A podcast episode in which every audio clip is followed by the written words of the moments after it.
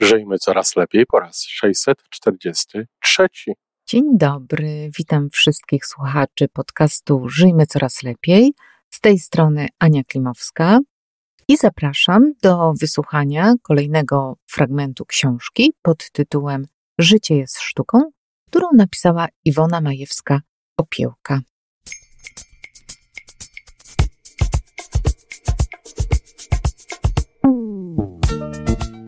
Witamy w kolejnym odcinku podcastu Żyjmy Coraz Lepiej. Podcastu z dobrymi intencjami i pozytywną energią, ale także z rzetelną wiedzą i olbrzymim doświadczeniem we wspieraniu rozwoju osobistego. Chodzi nam o to, aby ludziom żyło się coraz lepiej, aby byli coraz bardziej spełnieni, radośni i szczęśliwi. A że sposobów na spełnione życie jest tyle, ile nas, więc każdy musi znaleźć ten swój. A teraz już zapraszam do wysłuchania kolejnego odcinka.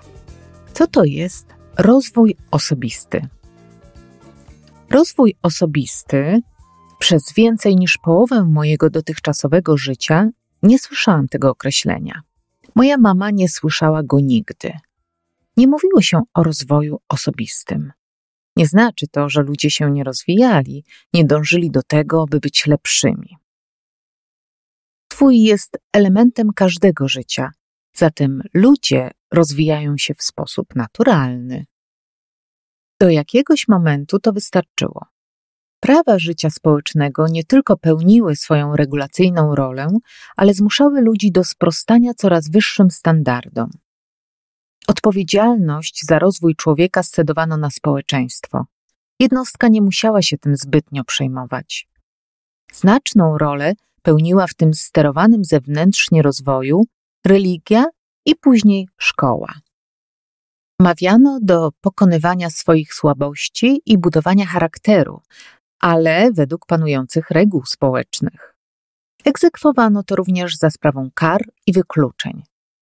Wciąż jednak dla ziemskiego powodzenia ważniejsze było, gdzie się ktoś urodził, w jakiej grupie społecznej, niż to, jaki wspaniały charakter rozwinął w efekcie swoich starań. Dla tych z gorszym urodzeniem nagrodą miało być lepsze miejsce po śmierci. Już w Deklaracji Niepodległości Stanów Zjednoczonych w 1776 roku uwzględnione było prawo do szczęścia każdego obywatela.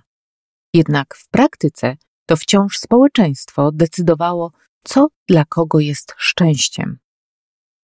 Jednym z pierwszych Amerykanów z mocą opiewających samodzielność jednostki, odkrywanie indywidualnego potencjału przez każdą osobę był Ralph Waldo Emerson.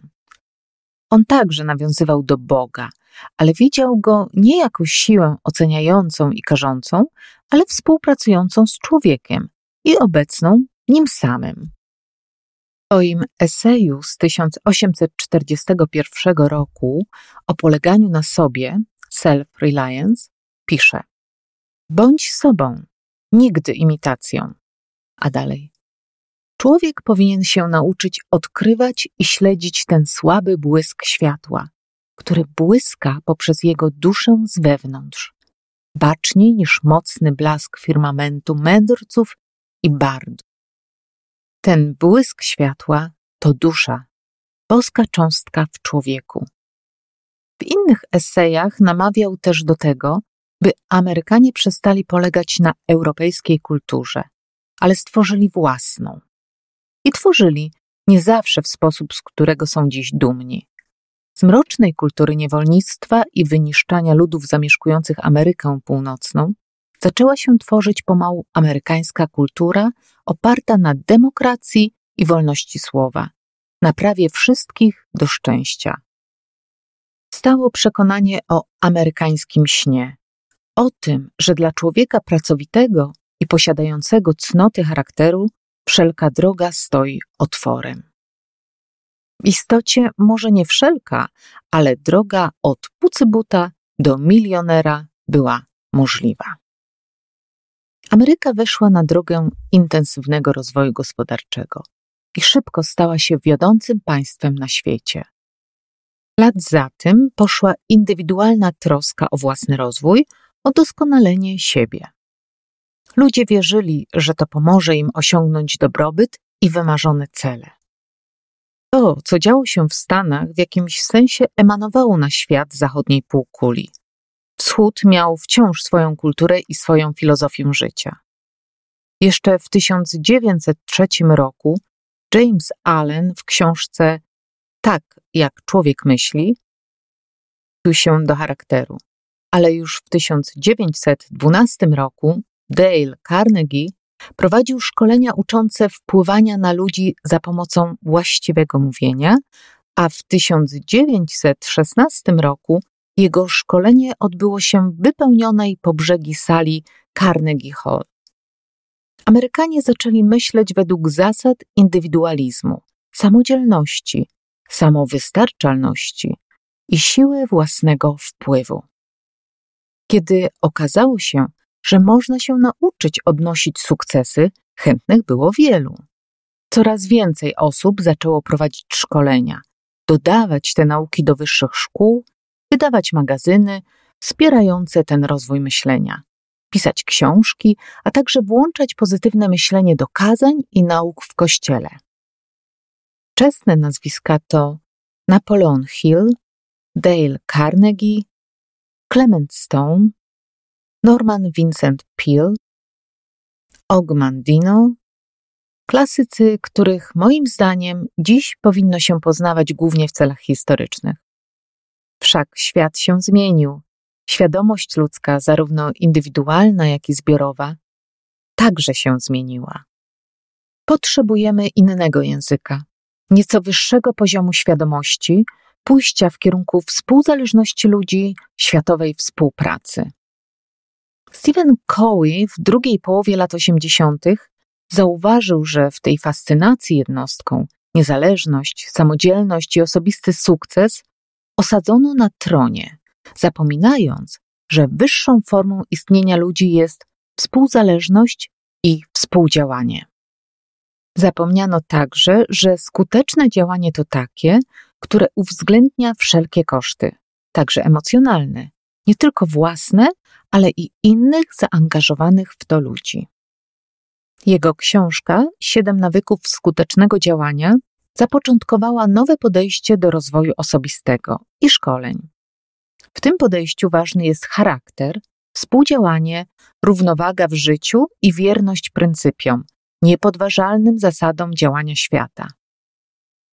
Jednak podkreśla ono wzięcie steru życia w swoje ręce i doskonalenie swojego charakteru, czyli do rozwoju osobistego. Nasze życie jest rozwojem, odkrywaniem swojego potencjału. Żyje się niejako z wnętrza na zewnątrz. Jednakże mało ludzi to wie lub rozumie. Przeciętna osoba przeżywa życie raczej z tego, co na zewnątrz, do wnętrza.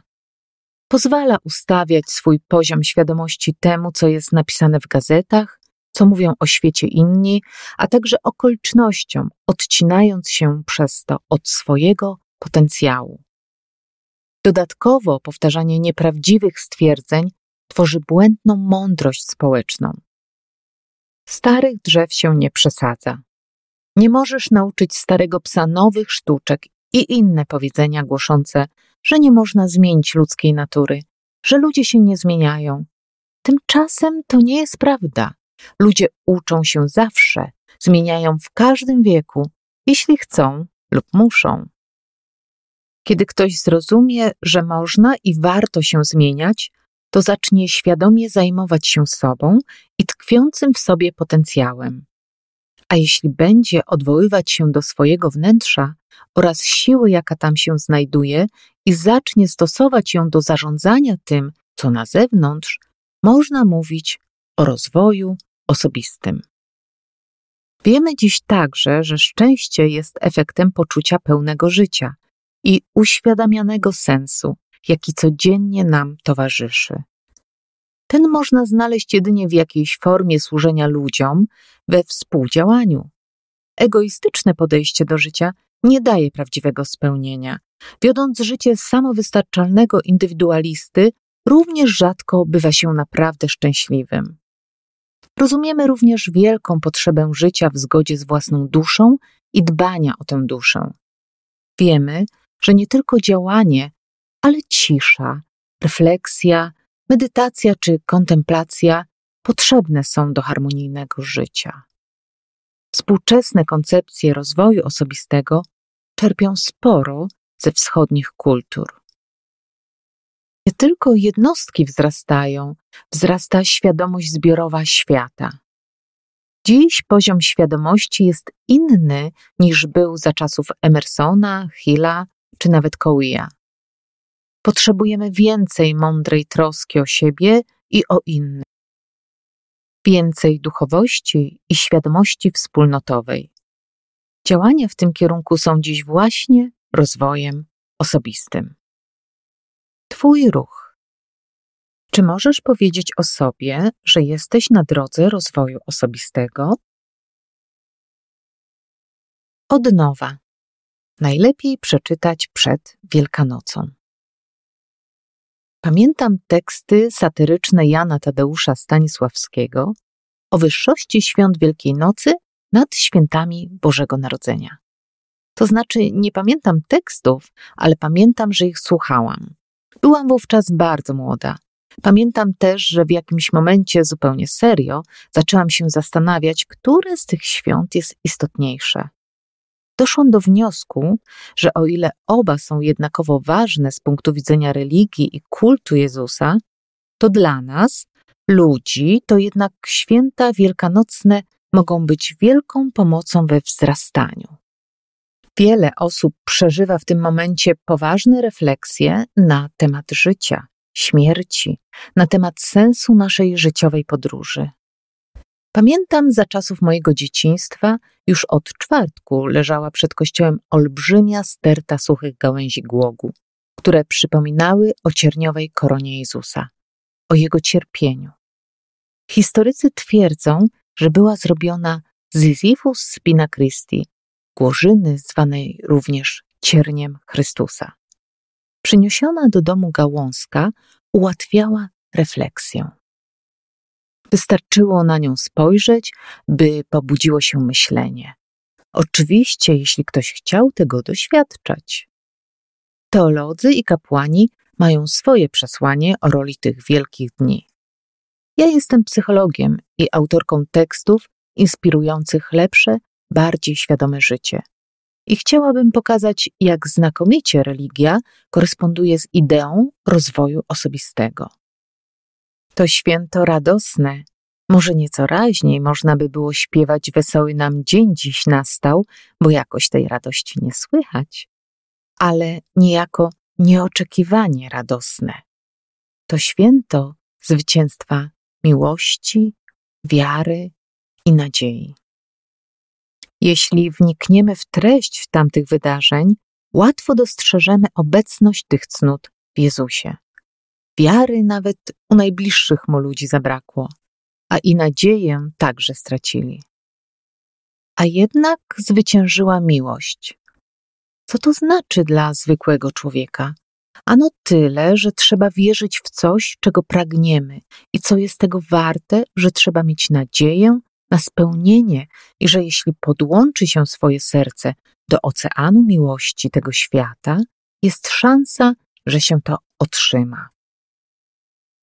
Obraz Jezusa w cierniowej koronie i na krzyżu, a potem jego opuszczenie grobu i ukazanie się żyjącym, może być piękną alegorią zwycięstwa miłości i radości nad cierpieniem, ale też przypomnieniem, że największe zwycięstwa mają w sobie również jakiś element cierpienia, choć przecież nie tak wielkiego, jakie było udziałem Jezusa. Może to pomóc zmienić perspektywę własnego cierpienia, może też pomóc w zwycięstwie. Tak jak wielu uczniów Jezusa przeszło dramatyczną drogę od rozczarowania i zniechęcenia z powodu jego męki i śmierci do uczucia radosnego zdumienia, kiedy go znów ujrzeli. Tak często wyglądają wszelkie niełatwe wydarzenia naszego życia. Trzeba wierzyć, mieć nadzieję i wypełniać się miłością, a wtedy radość zwycięży. Symbolem tego święta jest jajo. Ono zaś jest symbolem początku, zalążkiem nowego życia. Ten aspekt świąt wielkanocnych jest mi najbliższy, Dotyka bowiem również nowego życia w wymiarze psychologicznym. W zasadzie mało kto lubi tak sam z siebie zaczynać coś od nowa. Zwykle potrzebujemy jakichś ważnych momentów, cezur, które w sposób niejako naturalny oddzielają to, co było, od tego, co jest teraz. Nowy rok, urodziny, nowa praca, nowe miejsce zamieszkania, nowy związek, czasem poniedziałek. To wszystko służy nam za nowy początek. Wielkanoc jest znakomitą cezurą, oddzielającą stare i nowe życie, świetnym początkiem nowego, lepszego zachowania. Jeśli ktoś jest religijny, dodatkowo idzie przed Wielkanocą do spowiedzi, co sprawia, że nawet sumienie ma czyste. Zostało oczyszczone, niemal zresetowane. O ileż łatwiej zaczynać wtedy nowe życie. Powiedzenie idź i nie grzesz więcej nie dotyczy jedynie grzechów, ale wszystkiego, co nam się nie podoba w naszym działaniu. Ci, co religijni nie są, niech poświęcą może chwilę na osobisty rachunek sumienia i niech koniecznie wybaczą sobie wszelkie działania, których się wstydzą czy których żałują. Proces autentycznego wybaczenia, czy to sobie, czy innym, wymaga nieco czasu i zaangażowania, i będę o tym pisać, ale żeby zacząć nowe, bardziej świadome czy jeszcze lepsze życie, wystarczy tylko świadomość, że nie chce się już tak postępować i będzie się postępować inaczej. Wielkanoc to znakomity czas na początek wszelkich zmian. Do tego za chwilę będzie wiosna, która także wzmacnia wrażenie początku. Co roku zastanawiam się, czy jestem takim człowiekiem, jakim chciałabym być. I co roku znajduję różne zachowania, które mogę w sobie poprawić, udoskonalić, wznieść na wyższy poziom. Każdego roku przychodzi mi do głowy coś, co chciałabym uczynić swoim zwyczajem, włączyć do życia, albo przeciwnie, czego chciałabym się pozbyć. Oczywiście natychmiast wcielam to w życie tak, jak potrafię. Zajmuję się sobą w taki sposób już wiele lat, zatem są to drobne korekty mojego zachowania. Wiem jednak, zarówno z autopsji, jak i z doświadczenia osób, z którymi pracowałam bądź pracuję, że nawet naprawdę wielkie zmiany łatwiej zaczynać w Wielkanoc, ten dzień może stać się wezwaniem do osobistej przemiany, odrodzeniem, początkiem drogi do siebie. Bez względu na religijne doznania i przeżycia, każdy z nas może mieć również swój wielki dzień psychologiczny. Nie trzeba jednak czekać na Wielkanoc. Można to zrobić każdego dnia. Twój ruch czy możesz powiedzieć o sobie, że przejąłeś odpowiedzialność za swój rozwój osobisty i podążasz tą drogą? Na koniec dzisiejszych dwóch rozdziałów autorka zadaje pytanie nam, czytelnikom i słuchaczom, czy sami jesteśmy już na drodze rozwoju osobistego. Temat, który możemy podjąć sami ze sobą, ale niekoniecznie, bo również ciekawy do omówienia z wieloma osobami. Ja osobiście życzę ciekawych refleksji i do miłego następnego usłyszenia. Dziękuję bardzo.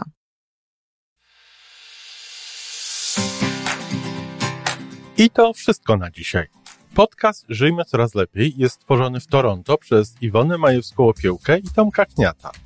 Sześć razy w tygodniu przygotowujemy dla Was nowy, ciekawy odcinek. Jeżeli lubisz nas słuchać, to prosimy o reakcję. Polub nas, skomentuj, tak jakbyśmy sobie po prostu rozmawiali. Zapraszamy do darmowej subskrypcji. Jesteśmy dostępni na każdej platformie, gdzie można słuchać podcastów. Wystarczy nas tam poszukać. A po więcej informacji zapraszamy na stronę www.majewska-opiełka przez l.pl. Jesteśmy też na Facebooku i na Instagramie. Jeżeli uważasz, że nasze podcasty pomagają Ci w Twojej drodze do jeszcze lepszego życia, to proszę, przedstaw nas swoim przyjaciołom. Do usłyszenia.